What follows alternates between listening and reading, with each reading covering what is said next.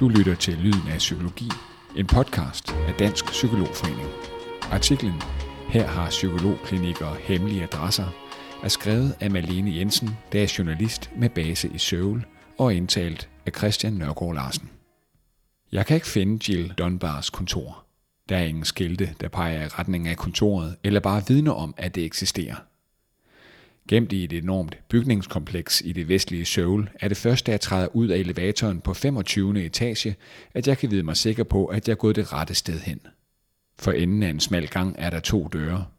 Foran den ene lyser et stort neonskilt med ordene Adaptable Human Solutions op. Det lyder måske som et konsulentfirma, og det er måske meningen. Men Adaptable Human Solutions er en psykologklinik. En af de få klinikker, der findes i Sydkorea. Mens vi i Danmark både på arbejdspladser, i regeringen og i den brede befolkning er blevet bedre og bedre til at tage mental sundhed alvorligt, er der stadig en lav anerkendelse af vigtigheden af et godt mentalt helbred i Sydkorea. Sydkorea har langt den højeste selvmordsrate blandt OECD-landene, der er 25 procent højere end i Litauen, som er nummer to, og 62 procent højere end Slovenien, nummer tre, viser tal fra OECD. Omkring 38 koreanere tager hver dag livet af sig selv ifølge World Population Review. Heraf er 1-2 børn og unge i alderen 9-24 år. Godt 95 procent af alle koreanere har oplyst, at de er stresset, og en tredjedel af dem er kronisk stresset, skriver Harvard International Review. Ovenstående til trods er det de færreste, der søger professionel hjælp. De, der gør, holder det ofte skjult for familie og venner. Jeg tror, at der er en form for stigmatisering over at søge mental hjælp over hele verden, men det er ekstra udbredt her, siger Jill Dunbar, der har arbejdet som psykolog i Seoul i to og et halvt år. Jeg har opsøgt Jill Dunbars klinik i Seoul for at finde ud af, hvorfor psykologi er så stigmatiseret i Sydkorea, et land med flere shamaner end psykologer. En af de personer, der er ekspert i sydkoreanernes forhold til mental sundhed, er Fernando Reggianini. Efter at have arbejdet i mere end et årti som psykolog i New York, flyttede han under corona til Sydkorea og er i dag klinisk direktør for Korea Psykologisk Gruppe i Seoul. Fernando Reggianini modtager koreanske og amerikanske patienter både online og fysisk. Omkring 65 procent af Reggianinis patienter er sydkoreanere, mens resten er amerikanere.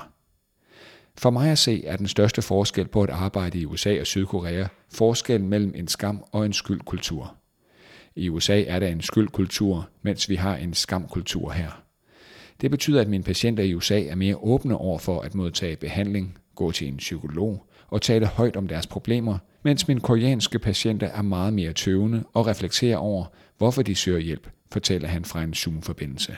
Fernando Radjanini er specialiseret i neuropsykologi, ADHD, indlæringsforstyrrelser, dysgrafi og ordblindhed og tager imod både børn og voksne. I sit arbejde oplever Raggianini ofte, at hans koreanske patienter forsøger at finde årsagerne til deres diagnose, frem for at fokusere på behandlingsmuligheder. Det er ikke unormalt at høre koreanske forældre til børn med diagnoser give hinanden skylden for barnets diagnose. Jeg havde et barn med autisme, hvor moren pegede på faren og sagde, du har også en fætter, som er underlig. Det her er dine gener.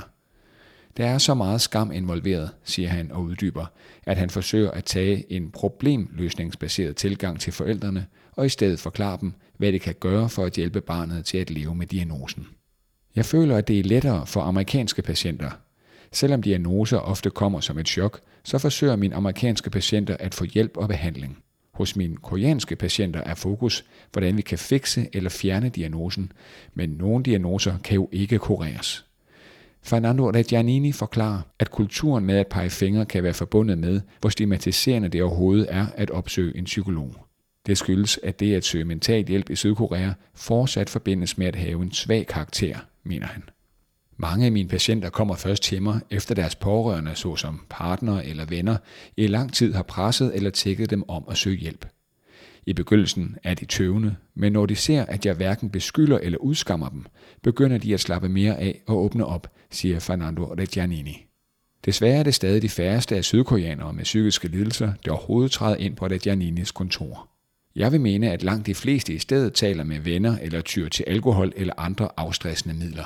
Men det løser jo ikke roden af problemet. Det skaber bare en ond cirkel af negative tanker og adfærd, siger han. Der er 1,59 psykologer per 100.000 indbyggere i Sydkorea. I Danmark er der 138 psykologer per 100.000 indbyggere, viser tal fra Gallups World Happiness Report fra 2020. Til sammenligning er der i Sydkorea 625 shamaner per 100.000 indbyggere, hvis hovedopgave er at rådgive deres kunder om vigtige livsvalg og dilemmaer med udgangspunkt i bøn, fremtidsforudsigelser og eksorcisme. En af de koreanere, der har taget skridtet og søgt hjælp, er 27-årig Park Suil. Park Suil lider af depression, angst og skizofreni, og for fire år siden besluttede han at opsøge en psykiater efter gentagende angstanfald. I dag tager han fortsat medicin mod angst og skizofreni. Jeg har fået det meget bedre. Jeg er blevet meget mere stabil, og jeg kan håndtere hverdagsstress nu, hvilket jeg ikke kunne før, siger han. Park Suil er opvokset i en landsby i det sydlige Sydkorea. Hans far døde i 2014, og han har meget lidt kontakt til sin mor. Efter farens død var der ingen i familien, der foreslog Park Suel at få professionel hjælp, og faktisk vidste han ikke engang, at man kunne få hjælp til at klare mentale udfordringer. Ingen i min hjemby fortalte om mentalt helbred, så jeg vidste ikke, at det var noget, man kunne få hjælp med. Jeg tænkte bare, at ja, at tiden heler alle sår, siger han. I lang tid kunne Park Suel på grund af sin depression og skizofreni ikke arbejde, og han rejste rundt i hele Europa og Australien for at få det bedre. Uden held. Først da Park Suel flyttede til Seoul og fik udenlandske venner, gik det op for ham, at der var professionel hjælp at hente. Park Suel holder det fortsat skjult for det meste af sin familie, at han tager medicin. Da han for et par år siden fortalte det til sin mor, blev hun rasende. Hun sagde, tager du psykisk sygdomspiller? Jeg sagde ja, og hun kunne slet ikke forstå hvorfor. Hun spurgte, om jeg var patient på et psykiatrisk hospital, og om jeg var blevet låst inde om natten. Det er sådan, den ældre generation uden for Seoul ser på mentale sygdomme, siger han. Park Suils søster er også under behandling for en psykisk lidelse.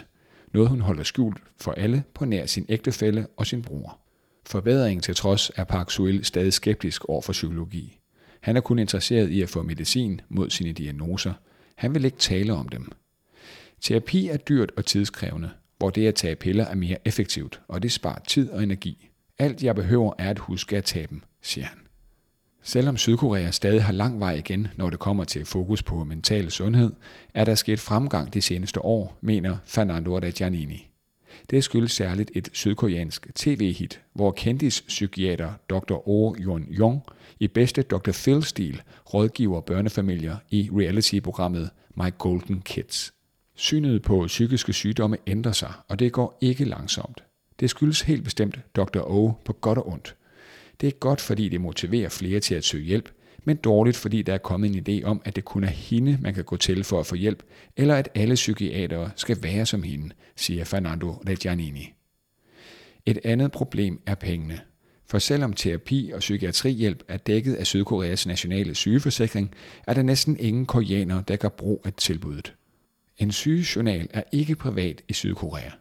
Hvis en koreaner ser en psykiater, og han benytter sig af sin sygeforsikring, kommer det til at stå i journalen, og det betyder, at fremtidige arbejdsgivere kan se det. Hvis en 10- eller 15-årig får medicin mod depression, og han 10 år senere søger job i et stort firma, risikerer han, at firmaet vil betragte ham som havende en svag karakter, siger Fernando Reggianini. Af den grund betaler hans patienter altid det fulde beløb i kontanter, forklarer han. På klinikken Adaptable Human Solutions, hvor Jill Dunbar er tilknyttet, er det tydeligt, at fokus er på udenlandske patienter. Alt i klinikken står på engelsk, og der er pamfletter med overskrifterne Coping with Living Away from Family During COVID-19, Are You a Foreigner in Korea? og i Taiwan Global Village. Langt de fleste af Jill Dunbars patienter er desuden udlændinge, fortæller hun. Alligevel kan hun se særlig en forskel på hendes patienter i Sydkorea og i Skotland, hvor hun kommer fra. Mange af mine klienter i Korea udtrykker et negativt forhold til deres krop og udseende, og det gælder både koreanske klienter og udlændinge i Korea. Der er et stærkt fokus på ens udseende i Korea med en homogenitet af det ideelle look, og det har uden tvivl en indvirkning på selvværd og selvbillede, hvilket kan forværre angst og depression og føre til spiseforstyrrelse, siger hun. Bedre bliver det ikke af, at det ikke blot er udseendet, men også ideen om at passe ind i gruppen og opføre sig på en bestemt måde, der er en indgroet del af den gruppeorienterede koreanske kultur. Hvis man ikke er, som folk er flest, kan det være svært at skabe et socialt netværk. Hverken Jill Dunbar eller Fernando Reggianini er i tvivl om, at Sydkoreas manglende fokus på mentalt helbred har en betydning for landets høje selvmordsrate. Det at træde ind på en psykologisk klinik er problematisk. Mange er bange for, at de på vejen støder ind i nogen, de kender. De vil ikke have, at der kommer sladder frem om dem. Igen er det frygten for at blive udskammet, at folk skal tale om, at der er noget galt med deres karakterer eller gener, eller at de har fået en dårlig opvækst eller uddannelse, siger Fernando Reggianini. Af samme årsag holder mange psykologiske klinikker i Sydkorea deres adresse hemmelig for alle andre end patienterne.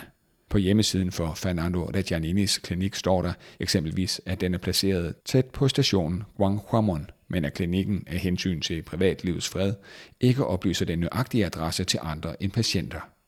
Hvorvidt Adaptable Human Solutions navn og manglende udendørs reklamering skyldes samme årsag, ved Jill Dunbar ikke. Men det er ikke utænkeligt. Her slutter artiklen. Tak for at have lyttet med.